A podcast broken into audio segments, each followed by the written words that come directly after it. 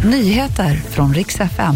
Polisen utreder mord efter fynd i Stockholms skärgård. Och Skånsk högstadieskola håller stängt efter TikTok-trend med hemmagjorda bomber. I skärgården utanför Stockholm har polisen hittat kroppen efter en man i medelåldern. Han var inlindad i en matta och nedsänkt med tyngder i vattnet. Idag har man genomfört teknisk undersökning och en person är också gripen och misstänkt för mord. Vi ska till Skåne. En högstadieskola i Sjöbo har fått stängas ner efter hot om explosioner. Eleverna har testat en ny TikTok-trend med hemmagjorda bomber som ska ha avfyrats på skolan.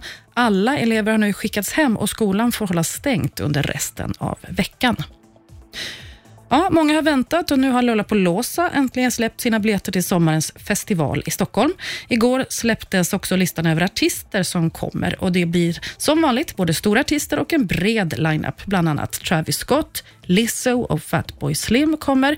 Det blir såklart också en rad svenska artister som Sara Larsson, Victor Lexell, Miss Li och Daniela Ratana. Och Det var nyheterna. Jag heter Maria Granström.